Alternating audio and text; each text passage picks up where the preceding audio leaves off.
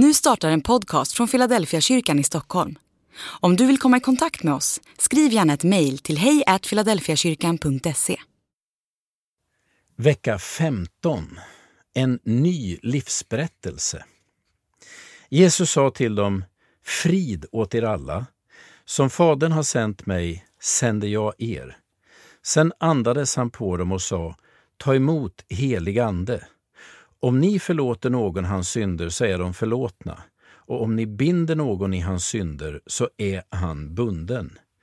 Johannes evangeliet kapitel 20, vers 21 till 23.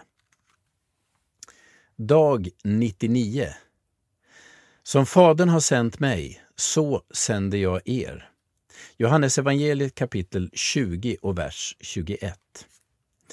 En av mina pastorskollegor från tiden i Jönköping berättade om sin son. Pojken hade börjat i första klass och hans fröken gick i samma kyrka där pappa var pastor. När fröken blev sjuk gick rektorn in som lärare istället för att sätta in en vikarie. Det var första gången barnen fick en ny lärare och alla var undrande. Efter ett tag räckte pastorns son upp handen och frågade om rektorn trodde på Gud. Rektorn blev ganska överrumplad av frågan men försökte svara att han trodde på Gud på sitt eget sätt. Då räckte pojken upp handen igen och sa att han inte hade sett rektorn i kyrkan. Ännu mer överrumplad svarade rektorn att man kan tro på Gud utan att gå i kyrkan. För tredje gången räckte pojken upp handen men den här gången hade han ingen fråga. Han tittade på rektorn och sa att det inte skulle skada om rektorn började gå i kyrkan. För rektorn blev det en tankeställare.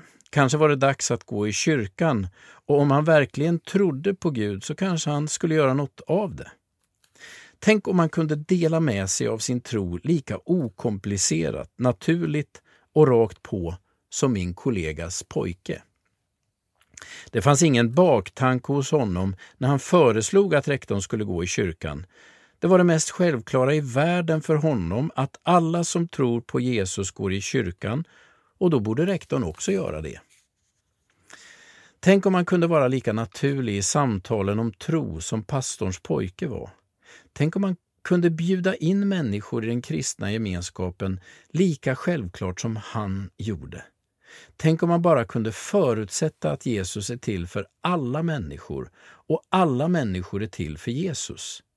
Det är just det som är vårt uppdrag. Som Fadern har sänt mig. Vi är alla en del av en berättelse.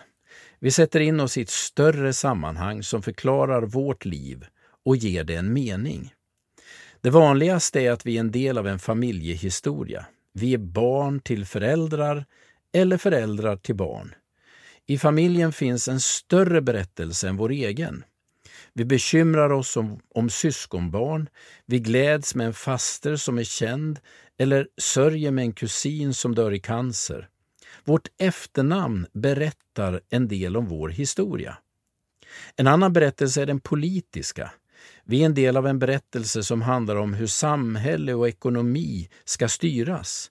Vi är med och formar drömmen om folkhemmet eller välfärdssamhället. Vi kämpar för den fria marknaden eller den planlagda ekonomin. Vilket vi än väljer är vårt liv en del av en större berättelse och ur den berättelsen hämtar vi mening och hopp. Jesus erbjuder dig att vara en del i hans berättelse. Det är en berättelse som börjar innan någonting var skapat. Det är en berättelse om hur Gud skapar oss till gemenskap med sig själv och hur vi alla är formade genom Jesus. Den handlar om hur människor går vilse och om hur Gud blir människa genom Jesus för att söka efter oss. I Jesusberättelsen finns alla stora mänskliga teman med. Där finns sveket och sorgen, men också glädjen och kraften. Mest av allt så är det en berättelse om försoning. Det är inte kört. Jesus ger alla människor en ny chans genom sin död och uppståndelse. Du är inbjuden att vara en del av Jesusrörelsen och Jesusberättelsen. För den berättelsen håller fortfarande på att skrivas. Nya namn förs ständigt in i historien och nya under registreras dagligen i Jesusberättelsen. Har du inte bestämt dig än kan du göra det nu. Du är välkommen in i Jesusrörelsen. Du är till för honom och han är till för dig. Ditt uppdrag är sedan att fortsätta berättelsen om Jesus i ditt eget liv, i din familjs liv, på din arbetsplats och i föreningen där du kanske är medlem. Den nya drivkraften i ditt liv är Guds kärlek och den nya riktningen är ett liv som efterföljare till Jesus.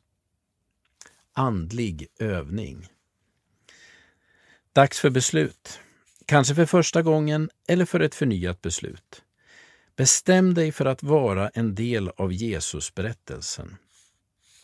Du kan säkert berätta många berättelser om ditt liv. Bestäm dig idag för att Jesusberättelsen är den viktigaste berättelsen i ditt liv. Förslag till bön.